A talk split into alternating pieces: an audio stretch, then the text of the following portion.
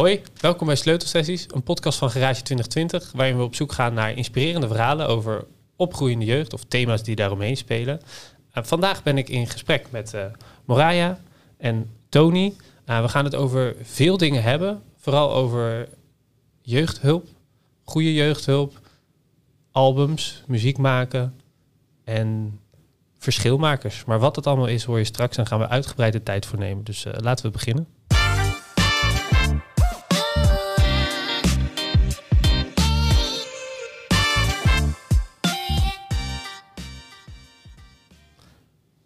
Ja, welkom uh, beiden. Ik zei het al, we hebben genoeg te bespreken. We hebben genoeg onderwerpen uh, besproken. We deden net al even voor, voorspreken. En uh, nou, ik heb een blaadje volgeschreven. maar voordat we aan dat alles gaan beginnen, vind ik het altijd heel belangrijk om even te weten wie er aan tafel zit. Dus om met jou te beginnen, Moraya. Wie ben je eigenlijk? Ja, nou ja, mijn naam is Moraya. Ik ben 23 jaar, woon in Amsterdam. En ja, ik ben momenteel actief als ervaringsdeskundige in de jeugdhulpverlening. Um, ja, en ik doe het eigenlijk op mijn eigen manier, door middel van muziek schrijven over mijn ervaring in de jeugdzorg. En maar inmiddels ben ik erachter dat het niet alleen mijn verhaal is, maar het verhaal van velen. Dus uh, ik heb een missie om de stem van het kind te vertegenwoordigen en ja, te laten horen door middel van muziek. Kijk, mooi. Een goede, goede samenvatting ook. Dankjewel. Ja. En aan mijn linkerzijde, voor de kijker rechts, uh, Tony. Hallo. Wie ben jij? Ik ben Tony, Tony Jansen. En uh, nou, ik ben eigenlijk een soort van oppas uh, opa geweest. En uh, nou ja, dat is een. Hoe oud is er nou? 22-jarig uh, vriendschap geworden. Toon, dit kan niet hoor, want ik ben 23. Oh ja, oké. 23 dan. En je, en je, zegt ik ben oppas opa. Is dat, is dat, ja, een, is dat een fulltime vanaf, baan? Nee hoor, ik ken haar vanaf de geboorte. En uh, ik was bevriend met haar familie. En elke keer als er wat was, was uh, altijd bij ons welkom. In mijn gezin. Ik heb zelf vier zoons, gescheiden. Maar er was altijd wel een plek in, in mijn huis voor uh, en haar broertje als uh, druk was bij haar moeder. Haar moeder was uh, muzikante. En ik heb haar moeder toen leren kennen ook via de muziek. Ik was zelf ook muzikant in die tijd. Kijk, ja, ik, ik wil zo graag alles weten over jullie eerste ontmoeting en hoe dat, hoe dat gegaan is. Maar ik dacht eerst even, ja, ja, ja. je, je, je vertelt eigenlijk meteen van ik, ik ben de, de, de oud-oppas-opa van Moraya. Maar, maar wat doe je nu eigenlijk in het dagelijks leven? Ik ben al lang met pensioen, ik ben 68 inmiddels. Mm -hmm. Dus uh, ja, ik maak nog steeds wel een beetje muziek. Kijk, wat voor soort muziek? Pop, pop, popmuziek. Uh, een beetje funk, een beetje jazz erin, een beetje blues. Lekker. Ja. Is het, kunnen we dat ook ergens uh, bekijken of beluisteren? Nee, nee, nee, nee. Het zijn wel allemaal jonge mensen. Uh, bandleden treden regelmatig op ook. Dus uh, die, ja, die kun je wel een keertje tegenkomen op televisie of oh, kijk. in concertzalen. Ja. Wat leuk. Mooi. Nou oké, okay, dankjewel. Dan weten we iets meer van wie, ja. wie Tony nu is. Um, nou, je zei het al, de oud-oppas opa van Moraya. Moraya Um, hoe, hoe gaan we dit verhaal goed vanaf het begin vertellen? Waar, waar moet ik beginnen, denk je? Ja, dat is een hele goede vraag. Um, nou ja, misschien wel leuk om te vertellen waarom Tony en ik hier allebei zijn.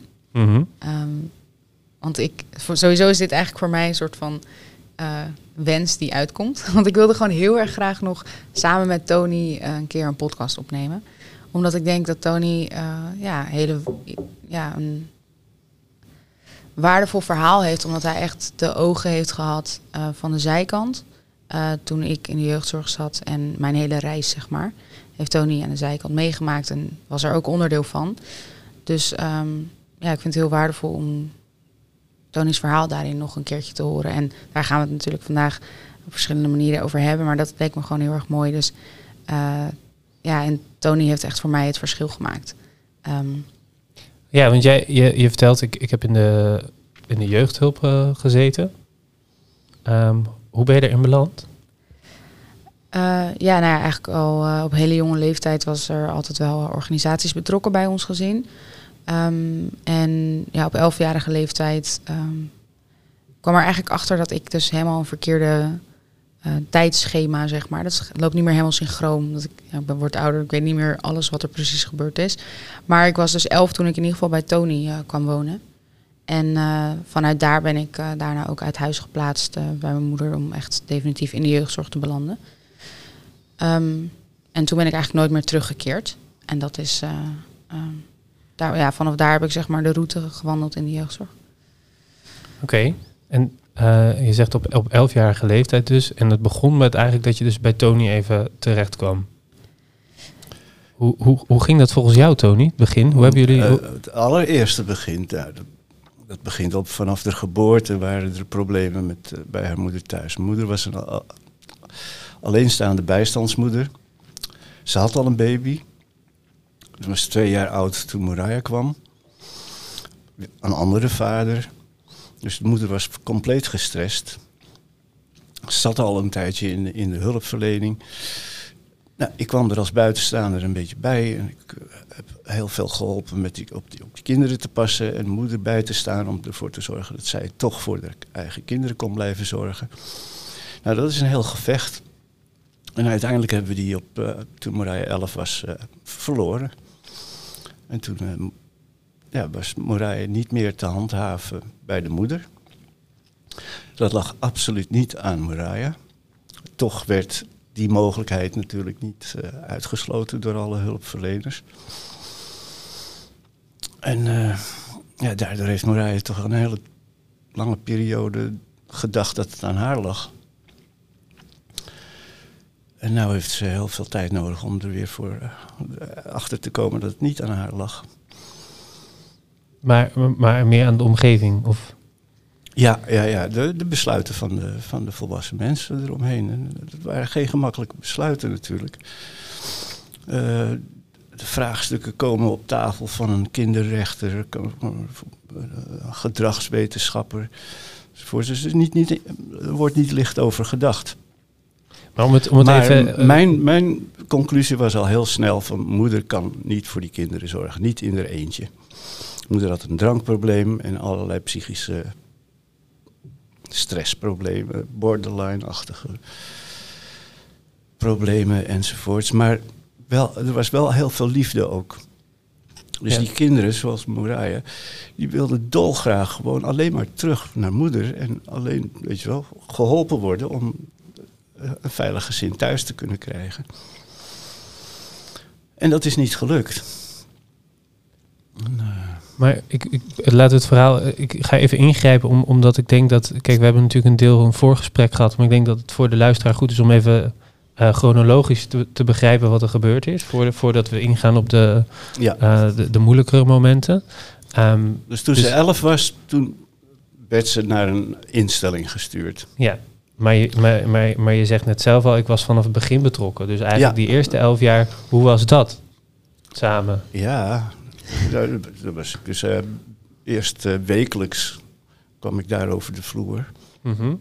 En dan gewoon voor de gezelligheid? Nee, even om, omdat er problemen waren. De kinderen zouden worden afgepakt. Ik geloof dat Marije twee, twee was toen ze voor het eerst uit huis werden geplaatst. En Marije heeft drie weken lang om de moeder lopen huilen daar in dat uh, opvanghuis. Hele lieve mensen hoor. Haar broertje was uh, dol op die mensen daar van hem hadden ze daar wel kunnen blijven. Maar Marije wou elke dag bleef ze huilend. Wou terug naar de moeder.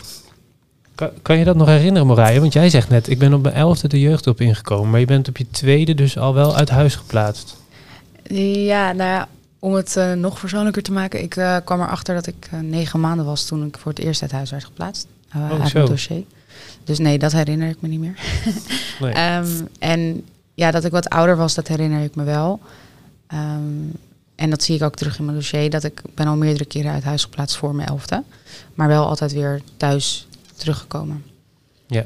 En um, ja, het was gewoon uh, heel wild. Uh, heel unpredictable. Dus ik wist niet... Um, wist echt totaal niet wat er gebeurde.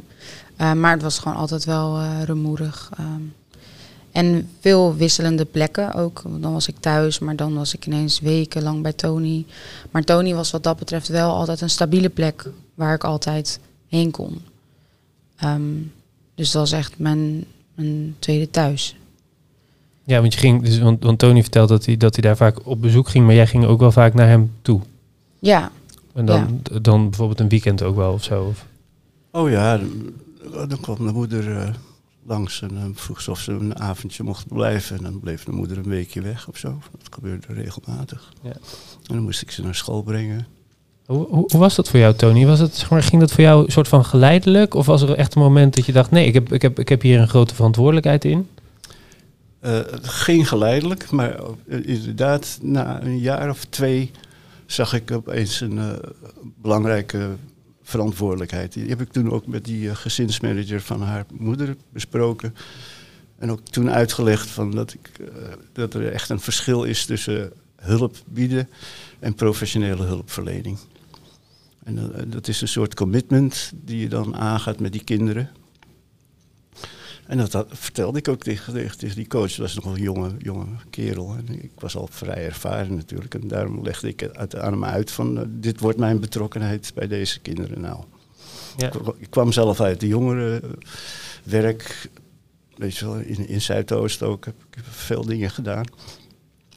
Maar ik eh, had toen eh, opeens besloten van... eh, nou, ik ga niet meer in het algemeen voor jongeren doen. Ik, ga de- ik kies deze jongeren uit en ik loop het hele traject. Ik ga ze eh, helemaal volgen. Je, ik, ik zie je glimlachen, Moraya. Ja, nou ja, het, het is best mooi dat je als. eh, ik bedoel, ik was er nog niet toen hun ontmoeting plaatsvond tussen mijn moeder en Tony.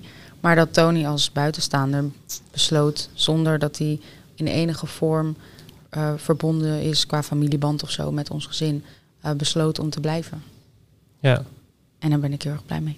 Ja, ja, dat kan me voorstellen. Ja. Ik ook. Ik ook. Ik heb er nooit spijt van gekregen.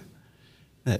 Dat, eh, de, ja, de- de- op die manier heb je toch werkelijk eh, resultaat van, eh, van je werk. Kan je het ook meemaken. En al die andere kids die ik ooit een keer een halve week heb geholpen of zo, die zijn mij vergeten en ik ben hun ook vergeten. Dat heeft, weet je, dat is al, iets algemeens. Maar tussen ons hebben we een echte vriendschap overgehouden. En eh, nou, daar ben ik super blij mee. Ja, ik merk wel dat het nu ineens heel formeel klinkt of zo. Want ik zie Tony helemaal niet als iemand die, maar, ja, die aan het werken is of iets in die zin. Het is gewoon, eh, Tony was er gewoon. Gewoon Tony, altijd. En nooit, ja, ik heb zelfs wel eens getest met, dat kan ik papa zeggen, want ik had geen vaderfiguur, Mhm. zeg maar. Ehm, maar dat was toch altijd een beetje awkward of zo. Dus dat, dat is er niet ingegroeid. Hoe, Maar hoe, noem je hem dan? ja, Toon. Toon? Gewoon Toon. Tony. Tony. Ja, het is ook altijd. Mijn broertje heeft dat ook. We hebben dat eigenlijk allemaal. Hoe leggen we uit wie Tony is? Is Ja, nee, maar bijvoorbeeld als iemand vraagt, zelf je loopt samen over straat, dat iemand dan zegt, oh, is dit je vader? En dan zeg je nee. nee, ik heb of zeg wel. je dan, Ja, zeg maar een soort van vader. Want Tony is wel voor mij zeg maar een vaderfiguur, omdat hij dus, ehm, nou ja, omdat hij, die, die, omdat hij er altijd was. Ehm, maar ja, het blijft altijd een, bij ons alle drie, dus mijn broer, mijn broertje en ik, altijd een beetje lastig om uit te leggen wie Tony is. Het is ome Toon of het is opa Tony. Het is, eh, ja, het... eh, Ik herinner me ook zulke gesprekken hoor, met de, de basisschool bijvoorbeeld. Het hoofd van de, van, van de basisschool voor jullie, die vroeg zich ook af van, nou, hè, maar hoe, hoe moeten we je dan noemen? Toen zeg ik, wat is er mis met Tony? ja. Overigens interessant, hè, dat het dan, eh, ja, dat, dat past eigenlijk dus blijkbaar niet in de hokjes, dus de, de functie Ja. die je had. Komt het blijkbaar niet veel voor. Om terug te gaan naar het, naar, naar het grote verhaal. Dus, dus, dus, dus je, eh, Tony, je bent langzaam in, in het leven eigenlijk steeds betrokkener geraakt. Op een gegeven moment ook die verantwoordelijkheid gevoeld, genomen. Eh, en toen zei je, nou, toen op elfjarige leeftijd was er eigenlijk een soort breekpunt. Ja, toen kwam er een broertje bij. mhm. En moeder was echt helemaal een beetje de weg kwijt. De, de vader van de baby was inmiddels vertrokken. Daar had zij een relatie eerst, eerst mee en daar is die baby uit voortgekomen. Maar tijdens haar zwangerschap kreeg ze alweer een relatie met de, de huidige stiefvader van de, van de nieuwe baby. Dus ze zat midden in die relatieproblematiek. En ondertussen waren haar andere kinderen, Django en Marije, uit huis geplaatst. Ook weer vanwege scènes op straat en zo. Werd gezien op school met drank en zo. meldingen, politie. En toen werden de kinderen weggehaald. Er werd eh, het hele verhaal weer even geprobeerd om papier te zetten. En toen is er gekozen voor de baby thuis te laten houden. De oudere broer van Moraya eh, tijdelijk uit huis te plaatsen en dan terug te zetten. En voor Moraya moesten ze heel, eh, heel even harder nadenken wat er ging. En dat was soms heel erg gevaarlijk. Want eh, de hulpverleners wisten nog niet precies hoe de thuissituatie was bij Moraya. En Moraya wilde heel graag die situatie thuis oplossen. En dat werd gezien als een, storing en als, als gevaar. Dus daarom werd ze eh, eh, ja, weggezet, eh, eigenlijk in een, soort opvanghuis. Maar het contact met de moeder, dat werd niet gecoacht. Dat, dat werd overgelaten aan haarzelf en, en haar moeder. En dat gaf een aantal gevaarlijke situaties. Dan ging Moraille op de Je moet je voorstellen, een meisje van 12.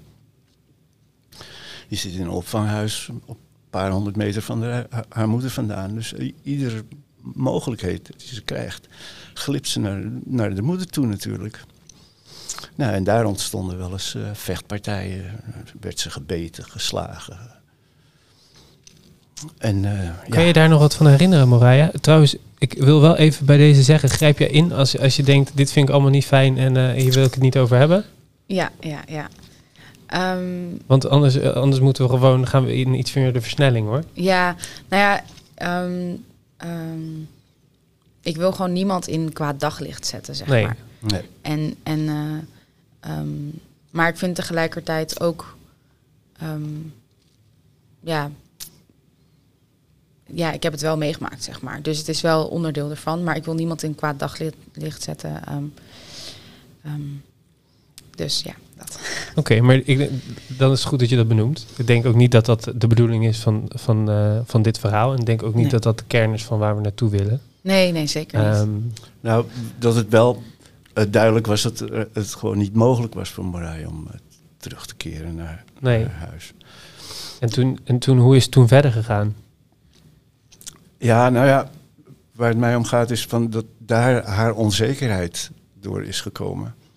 Als je vanaf dat moment eh, iemand een echt, echt realistisch perspectief kun- kunt bieden, Mhm. daar heeft een kind iets aan.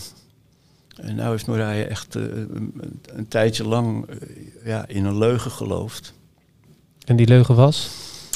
Dat ze, terug, dat ze haar kamertje terug ging krijgen bij de moeder thuis. En dat alle, dat alles weer eens een keer normaal ging zoals vroeger.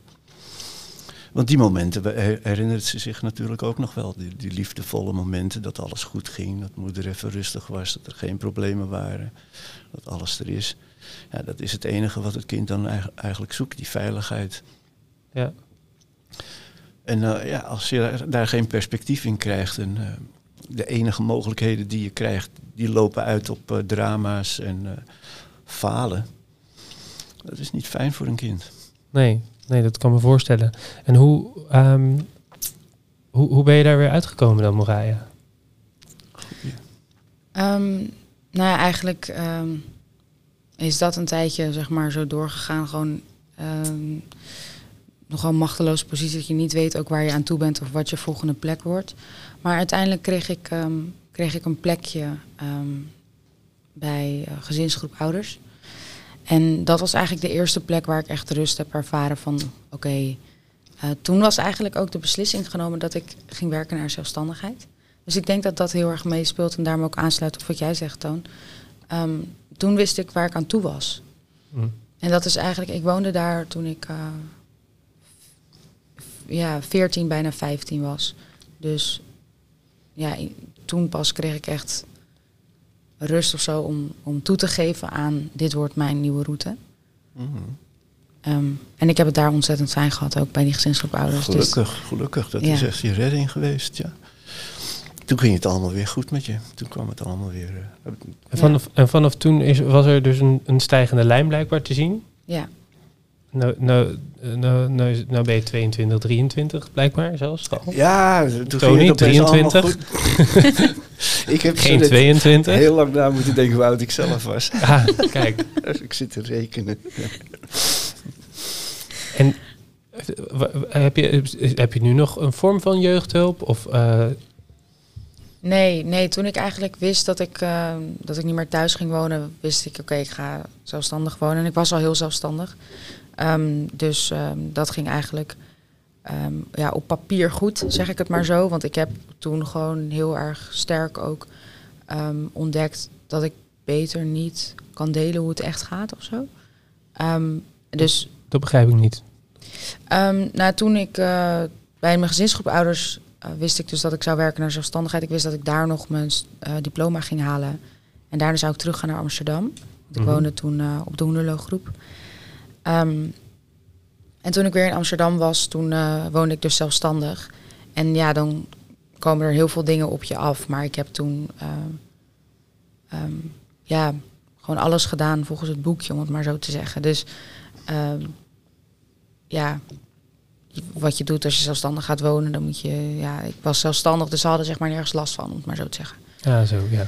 En uh, dat was ook uiteindelijk het laatste drempeltje, was dat ik geen hulpvraag meer had. En ik moest een hulpvraag hebben om naar mijn vervolg, vervolgplek te kunnen. Maar uh, dat is uiteindelijk helemaal goed gekomen. Dus ik heb toen eigenlijk denk ik ook een beetje, um, ben geen hulp meer gaan vragen of zo. Nee. Maar uh, ben er wel uitgekomen. ja. Is dat, is dat dan ik heb zelf niet in de jeugdhulp gezeten. Is dat dan een heel. Zit daar een overgangsmoment in of zo? Dat je op een gegeven moment tegen jezelf zegt: Ik heb dat niet meer nodig? Of, of, of gaat dat langzaam? Hoe, hoe werkt zoiets? Ja, ik denk gewoon: je wilt, je wilt niet meer. Je wilt er gewoon niet meer mee te maken hebben. Dus je doet wat er van je gevraagd wordt, zeg maar. Um, of je. Ja, ik maakte dan een begroting voor mezelf en een begroting voor mijn groepsleider. Ja, hoe heet het, mijn begeleider. En mijn begroting was één grote chaos, want ik had een oplichting gehad en uh, ik zat in de schulden, maar dat wisten ze niet, want ik had mijn begroting heel netjes uh, vertaald naar de begeleiding. Maar dat was meer omdat ik gewoon niet had ervaren dat ik hulp kreeg die mij diende. Ik had, was meer bang dat als ik eerlijk was, dat het me tegen zou werken, zeg maar. En dat ik dan weer aan regeltjes moest voldoen en dat ik dan van 40 euro per week moest leven en dat soort geintjes. Dus um, dus eigenlijk nam je een stukje verantwoordelijkheid ook voor, voor de dingen die niet zo heel goed gingen in je leven. En dat verbloemde een beetje richting de hulpverlener dan. Ja, ja en ik loste het zelf op. Ja, maar is eigenlijk ook wel als buitenstaander, als ik daarnaar kijk, denk ik dat is eigenlijk ook wel een heel mooi proces. Want dan begin je dus eigenlijk je eigen problemen veel meer op te lossen. Ja, ja ik ben. Um, ik, ik kon het ook aan. En dat is ja. denk ik een verschil tussen sommige jongeren die ik nu ook zie en spreek. Die die raken gewoon nog dieper in de schulden, zeg maar. Ja. Um, maar ik, ik wist wat me te doen stond. Ik belde de bank. Ik zei, ik wil een regeling treffen. Dus ik wist wat ik moest doen om het op te lossen. Um, en um, tegelijkertijd is het ook zonde dat, dat de hulp die er was, dat ik daar geen gebruik van durfde te maken, omdat ik bang was dat het me tegen zou werken. Dat dat vertrouwen er dus niet was. Ja. ja. En hoe zou je dat, als je, daar, uh, als je daar nu op terugkijkt, wat zou je dan tegen jezelf willen zeggen eigenlijk in die fase? Um, nou ja, voor mij heeft het dus wel goed uitgepakt. Maar ik denk wel... Dus, maar zou je dan tegen jezelf zeggen, goed gedaan, Marija? Ja, ja ik denk het wel. Um, ik heb geleerd van wat, ik, uh, wat er gebeurde. En ik denk wel dat ik... Het is, Tony is de eerste tegen wie ik had verteld dat ik was opgelicht. Maar ook te laat. um, maar, um, en ik denk dat dat dus daarom weer zo belangrijk is dat je iemand hebt die je vertrouwt aan wie je het kunt vertellen. Ja. Want ik denk dat als ik dat, dat, dat had ik wel nodig om een soort van te landen en weer overzicht te krijgen van, oh ja, oké, okay, ja, ik kom hier inderdaad uit. Een beetje steun, iemand die met je meekijkt. Ja. Um, ik had het al lang door hoor. Tony, ja, want, want eigenlijk de, de reden dus, de, ik zei het aan de, in de inleiding al, jij bent een campagne gestart, Moraya. Ja. Verschilmakers. Ja. En als, als, als we het over verschilmakers hebben, dan hebben we het eigenlijk over Tony. Ja. Wie Tony is geweest voor jou. Ja. Kan je dat kort uitleggen? Ja, nou ja, Tony is wel echt uh, ja, de verschilmaker voor mij. En een van de, ik heb meer mensen die echt een verschil gemaakt, maar Tony is wel iemand die gewoon vanaf begin tot nu um, voor mij een verschil maakt. Omdat ja, eigenlijk het zijn juist de kleine dingen en um, um, omdat hij er was, op momenten dat, dat, dat ik iemand nodig had. Um, ja, en ik denk dat dat is dus in dat hij er was, speelt dus heel veel. en op heel veel verschillende manieren. Maar dat maakte wel echt voor mij het verschil, waardoor ik me nog wel gezien voelde en gehoord voelde. En dat er nog iemand was die me enigszins bevestiging gaf dat ik, uh, dat ik er mocht zijn of dat er van me gehouden werd, dat er naar me gedacht werd. Um, en dat heb, had ik wel nodig om, om door die battle te komen. Ja, ja. Heb, heb jij jezelf als een, als een verschilmaker gezien? Ik heb wel een keer uh, het gevoel gehad dat ik de laatste strohalm voor Moraya was. Ja. kwam ze bij me, opeens stond ze voor mijn deur. En dan had ze drie maanden, was ze niet, uh, had ze geen toestemming gehad om naar de moeder te, terug te gaan. Dan had ze drie maanden op, uh, en toen zat ze nog niet op de gezinsgroep. Had ze dus op die instelling gezeten. En toen was ze op eigen houtje, dan was ze naar mij toegekomen en stond ze voor mijn deur. Nou, de volgende dag stond jeugdzorg met een politieman voor mijn, ook voor mijn deur. Toen hebben ze er met vijf man geboeid weggehaald. Ja, dat is vreselijk natuurlijk.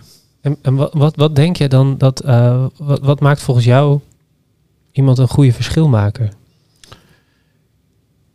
Ja, als, als, als, als je voor iemand de laatste strohalm bent, dan uh, moet je zo ver mogelijk meebuigen, denk ik. En uh, proberen de, die persoon echt te helpen. En wat betekent dat? Ja, altijd klaarstaan met, uh, met alles. Voor, voor Moraya was dat uh, echt gewoon 24 uur, 24-7. Ik had geregeld dat ze een telefoon had, dat ze me altijd kon bellen. Dat je, dat je gewoon altijd klaar stond, dat als er maar iets is, dat ze, ze je nodig had, dat je meteen kon reageren dat ze die zekerheid in ieder geval had. En dat is redelijk goed gelukt, denk ik. En, en dat is alleen maar klaar, er klaar voor staan. Ze heeft, het, het is echt. De, ja, je zegt alleen maar, maar, ja, maar tegelijkertijd noem je ook heel groot. 24 uur, uh, ja, ik, ja, ik maar, regelvorder, ik moet zo ver mogelijk meebuigen. Uh, dus, dus, dus, dus, dus, dus, dus aan de ene kant iets kleins, maar tegelijkertijd is het een soort onvoorwaardelijk alles geven zoiets is het, is het wel, ja. Ik vind dat wij op de, deze wereld, alle volwassenen, dat gevoel moeten hebben voor kinderen. Wie dat, van wie dat kind dan ook is. Dat ze bereid dat zijn om alles te geven. Voor een kind altijd klaarstaan en altijd meteen kunnen geven wat ze nodig hebben. Zie, zie jij datzelfde? Zie je dat ook dat een verschil dat dat een is dat een verschil maken voor jou? Um, nou ja, dat is wel en, en dat is misschien waarom het zo groot is. Maar Tony was die persoon, zeg maar. Maar het is dus niet dat je in je eentje, dus wat Tony zegt dat eigenlijk heel erg mooi. Als iedere volwassene dat misschien zo ervaart, dan doe je het dus ook weer samen. En dan is het dus niet dat Tony, of wie het nog zeven voor mij, maar als je dus in general bij, bij, um, bij je ouders terecht kan of zo, dan kan je bij een mentor heb je misschien op dat moment nodig. En dan is het de vriendin die je die steun geeft. Dan is het een Tony. Um, dus ik, ik voel wel dat hij een beetje zwaar voelt of zo, die 24-7. En dan denk ik ook, was het moeilijk om dat voor mij dan te doen? Nee hoor. De, de, de, middelen waren er ook natuurlijk in, in deze tijd. Hè? Mobiele telefoons, uh, internet enzovoorts. Communicatie is allemaal veel makkelijker geworden. En deed ik dan ook altijd zeg maar, beroep op jou of was het zwaar om... Ja, al, al waren het kleine dingetjes. Je staat uh, bij, bij, het uh, treinstation in Apeldoorn. Uh, je hebt geen geld voor een treinkaartje of zo. Nou, dan kon ik het op je rekening storten. Die, die dingen hadden wij al met, met elkaar geregeld. Daarom had je ook een mobiele telefoon. Daar was je wel heel erg over gefocust op, volgens de begeleiders. Maar voor mij betekende het toch dat wij konden blijven communiceren. En uh, ja. En voor jou was het natuurlijk fijn dat, dat je wist dat dat werkte. Dat als je ergens op, het station stond, dat ik ervoor kon zorgen dat er uh, iets op je OV-kaart kwam. Hoe, hoe zie je dan, de, het klinkt bijna als, als een oude rol die je dan inneemt. Ja, ja, hoe, ja. hoe, verhoudt zich dat dan tot, tot bijvoorbeeld de biologische, nou, de, tot biologische ouders? Ja, nou ja, ik kende haar uh, biologische vader natuurlijk. En ik wist al wel, wel, waar die zat. Die zat op dat ogenblik in Noord-Zweden ergens. Met, uh, nee, maar zonder, dus laten we niet te veel over de. Maar, maar zeg maar, hoe zie, hoe zie je dat zelf? Um, want dan neem je eigenlijk bijna de vergelijkbare positie in. Ja, ja vind, dat, je, vind dat, dat had ze ook nodig. Dus ja, die, die, die veiligheid, uh, zekerheid had ik haar beloofd, natuurlijk al vanaf kleins, toen ze als baby al eh, bij- ons kwam. En dat, eh, dus dat vertrouwen wilde ik absoluut niet beschadigen.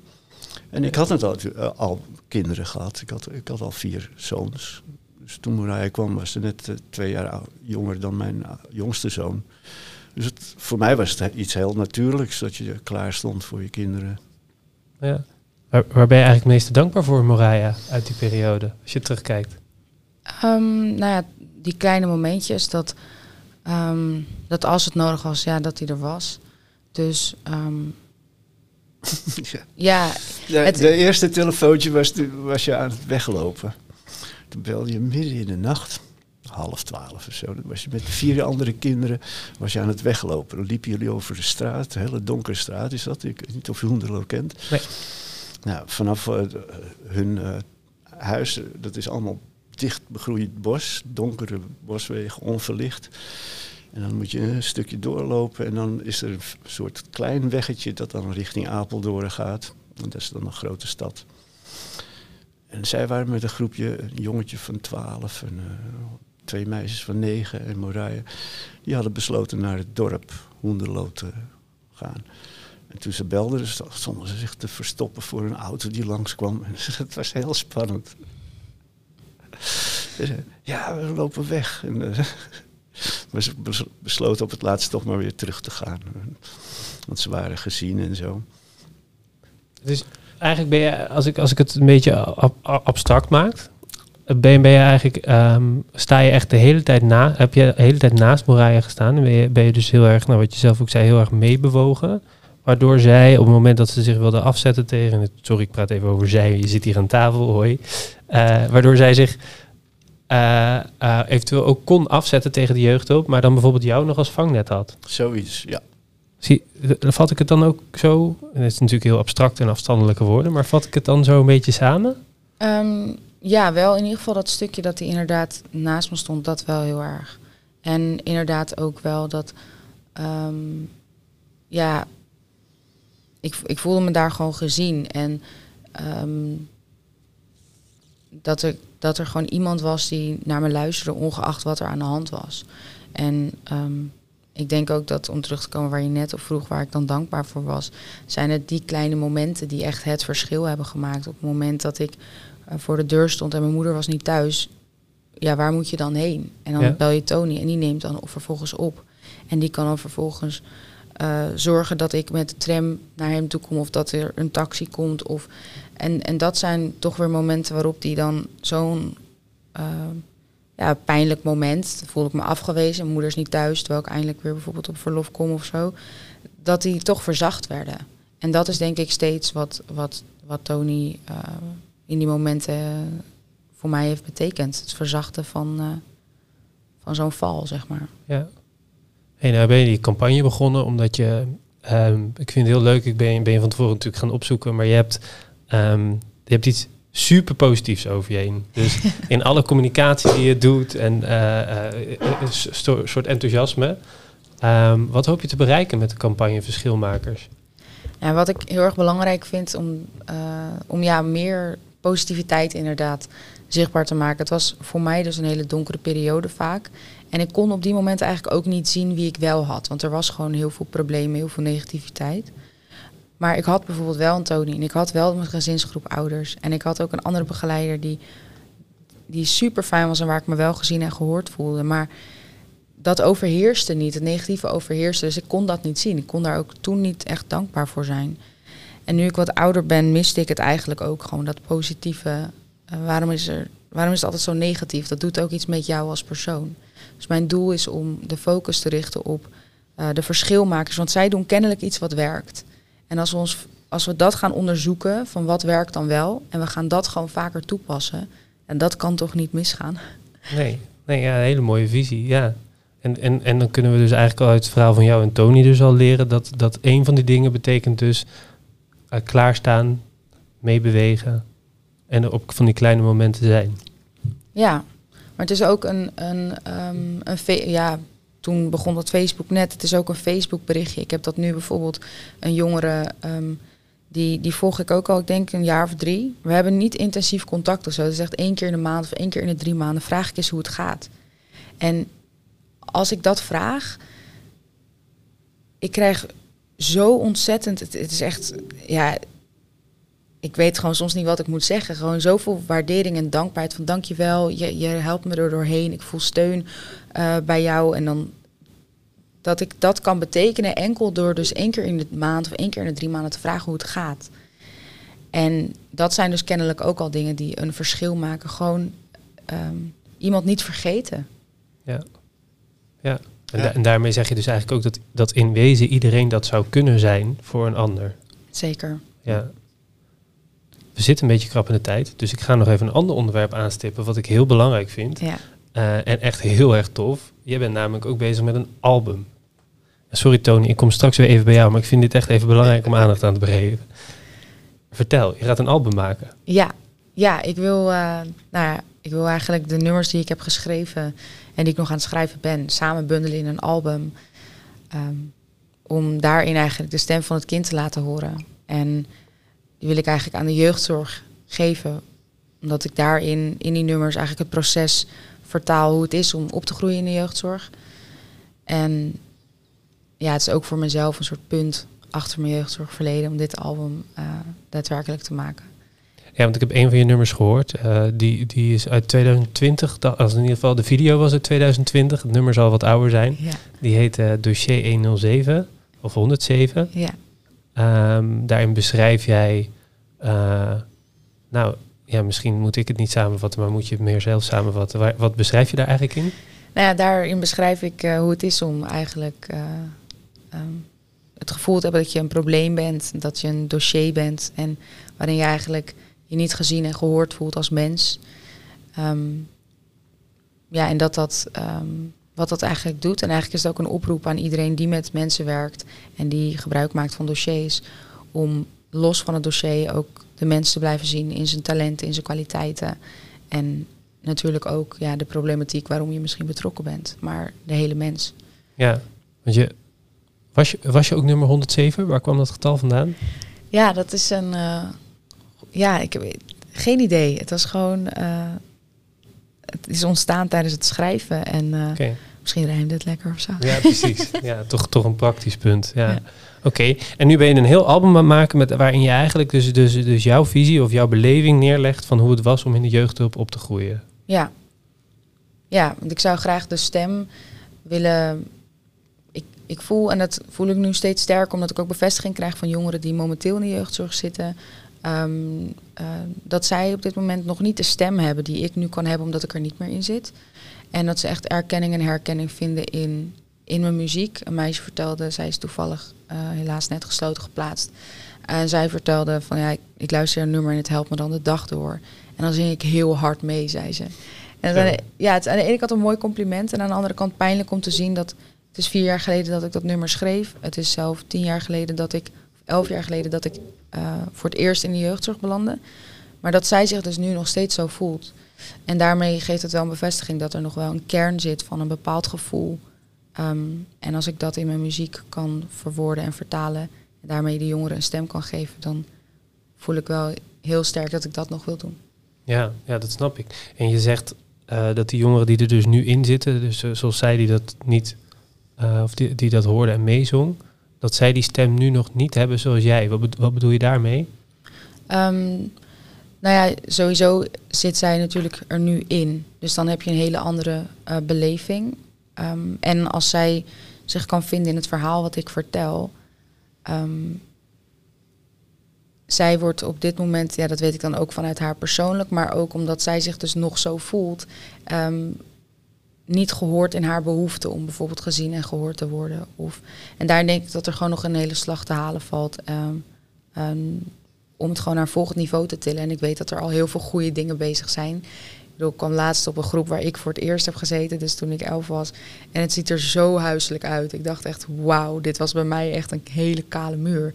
Dus er zijn echt al wel mooie dingen die ik zie, dat ik denk dat draagt echt bij.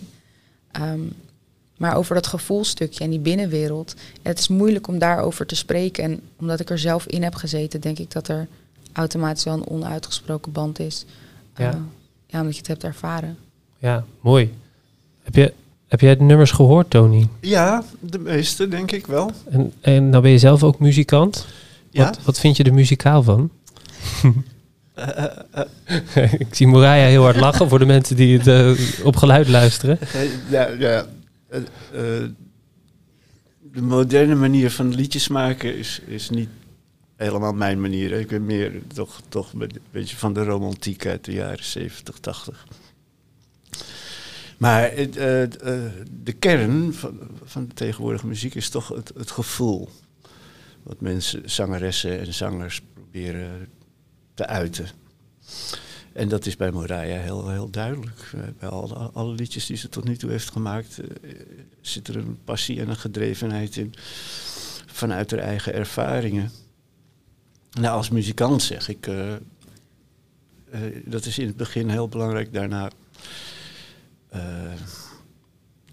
is het een onderdeel van jezelf. Het is niet meer het belangrijkste thema van je leven of zo, maar dan accepteer je het van, als een ding van jou, wat jij gewoon in je, met je leven gaat doen. En ik, eh, ik kijk er naar uit dat zij dat bereikt.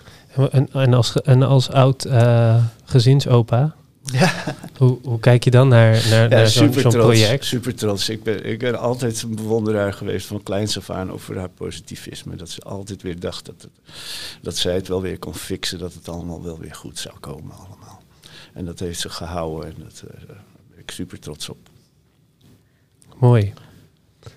Ik zie je helemaal eh, stralen, Ja. Moraya. Ik, we begonnen dit gesprek, we hebben, we hebben een aantal dingen aangestipt, maar we begonnen dit gesprek en jij gaf toen ook aan dat, je, eh, dat dit een droom was. Om, om eens een keer een, een podcast op te nemen met, eh, met, met jou. eh, ehm, nou, hoe zei je het eigenlijk zelf? Volgens mij gewoon met jouw verschil maken, toch? Ja, ja. Nou heb ik een beetje het gesprek geleid. Af en toe voeg je wel wat tussendoor, maar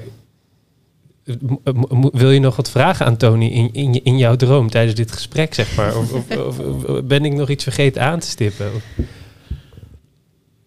Nee, ik denk er valt zoveel te zeggen. En het was een beetje breed natuurlijk, omdat we het ook over wat persoonlijkere dingen hebben gehad. Dus dat, ehm, maar dat is wel onderdeel van onze reis geweest. Dus ik denk dat wat ik wel nog zou willen zeggen is ehm, dat mochten mensen nu ook luisteren, dat er dus echt wel, dat je ziet dat Tony is er van vanaf het begin en dat een vertrouwenspersoon is gewoon voor iedere jongere gewoon zo ontzettend belangrijk. Iemand, een klankbord. ehm, ja, ik zou echt namelijk niet weten wat ik zonder Tony zou moeten doen. En dat is gewoon omdat hij er was. En een vertrouwenspersoon hoef jij dus niet als professional te zijn. Want Tony is niet de professional hier eh, als eh, binnen ons gezin, zeg maar. Maar was er echt als Tony. En ehm, ik denk, ik gun iedere jongere een Tony. En ik denk dat er zoveel Tony's zijn. Ik bedoel, ik ben de Moraya voor mijn broertje. Ehm, en ik denk dat, dat, dat het feit dat mijn broertje een oudere broer en een oudere zus heeft, dat het al heel waardevol is voor hem. Omdat het dat weer een vertrouwensband is. Maar het kan ook een mentor zijn. Ja, iedereen kan het zijn. Maar dat je, ik denk dat je als professional in een hele mooie eh, eh, positie zit om te faciliteren dat een jongere zo iemand heeft. En ik denk, nou, als we het dan over Garage 2020 hebben, dat jullie daar natuurlijk ook als eh, eh, Jim en daar heel erg hard mee bezig zijn. Dus en dat, Ja, maar ja, dankjewel. Maar ik vind het eigenlijk in, het mooier wat jij zegt. Dat, dus dat, dat iedereen het kan zijn. en, die vertrouwensband zet je centraal. Hoe, en misschien moet ik dat ook aan Tony vragen, maar ehm, hoe, hoe, hoe, kan ik dat zelf worden? Zeg maar, dit voelt soms ook gewoon niet als mijn plek. Dat, dat, dat, je, dat, je, dat je dan denkt, oké, ik zie ellende gebeuren en eh, eh, eh, wie ben ik om me er zo intensief... Ik vind het... Nou, zal ik... het- ik- het- ik- er zit ook iets heel... een- Kijk even naar de techniek, sorry, we gaan iets over de tijd heen. Maar er zit ook iets heel erg g- g- groot in. Ik wil nog een klein verhaaltje er dan bij vertellen. Mijn vader is wees geworden omdat zijn vader eh, in de Jappenkamp eh, is gesneuveld. Is mijn vader opgevoed door eh, Nederlandse broeders in Indonesië. Ene broeder Werenfried, dat was zijn onderwijzer, die heeft hem leren lezen en schrijven. En toen we na- naar Nederland waren gekomen en mijn vader doodziek was, is diezelfde broeder Werenfried aan zijn sterfbed gekomen. Hij heeft ook mooi uh, de mis voorgedragen toen uh, mijn vader werd begraven. Dus die man die heeft. Uh, mijn vader is, voor mijn vader was hij de verschilmaker. En dat was gewoon, ja, ook een buitenstaander. Maar ik bedoel, maar Moerij heeft gelijk. Er zijn zoveel Tony's. En uh, daar moeten we op letten. En ook, ook de professionele jeugdhulpverleners uh, moeten daar meer gebruik van maken. Ja, maar dus, dus ik hoor aan de ene kant heel duidelijk, en die begrijp ik. Dus de professionals moeten ogen hebben voor de potentiële Tony's of verschilmakers die er in de omgeving rondlopen. Ze moeten vragen aan de kinderen wie voor, voor dat kind de verschilmakers zijn. Ja, en, en zoiets en als, als Jim sluit daar inderdaad heel goed bij aan. Maar hoe word ik het zelf?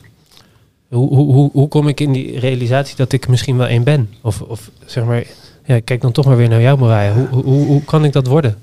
Nou ja, je, hoeft, kijk, Tony is het dan heel intensief voor mij geweest. Maar je kunt gewoon al door, um, door, door jezelf te zijn. Het klinkt dus, dat is een beetje het, het, het abstracte eraan. Door jezelf te zijn kun je al het verschil maken. Het is als jij bijvoorbeeld ziet, um, je hebt contact gehad met een jongere.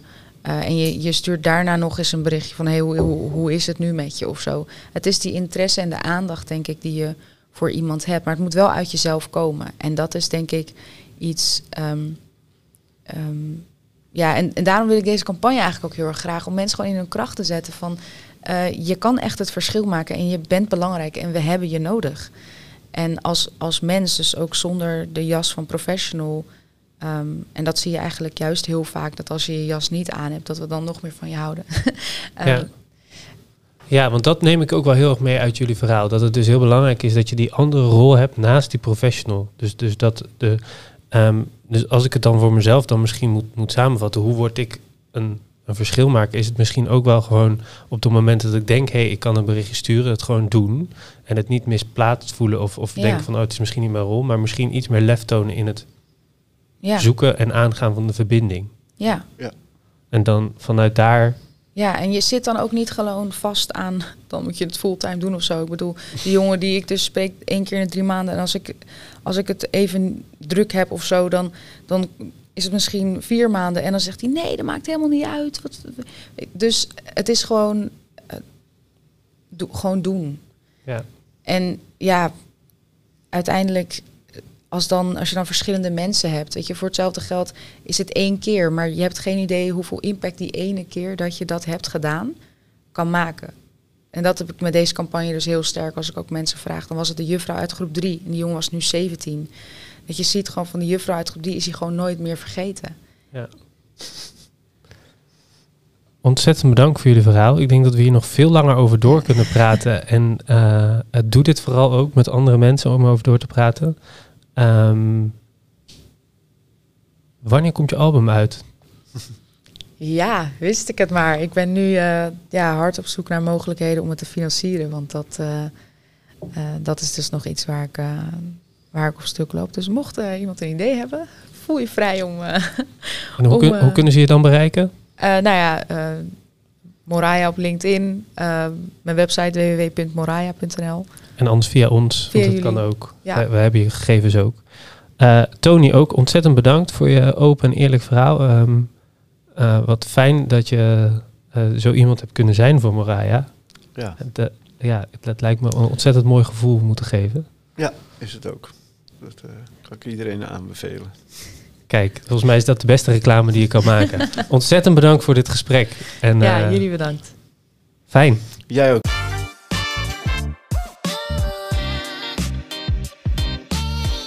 Dit was Sleutelsessies, een podcast van Garage 2020. Nogmaals dank aan mijn gasten Moraya en Tony.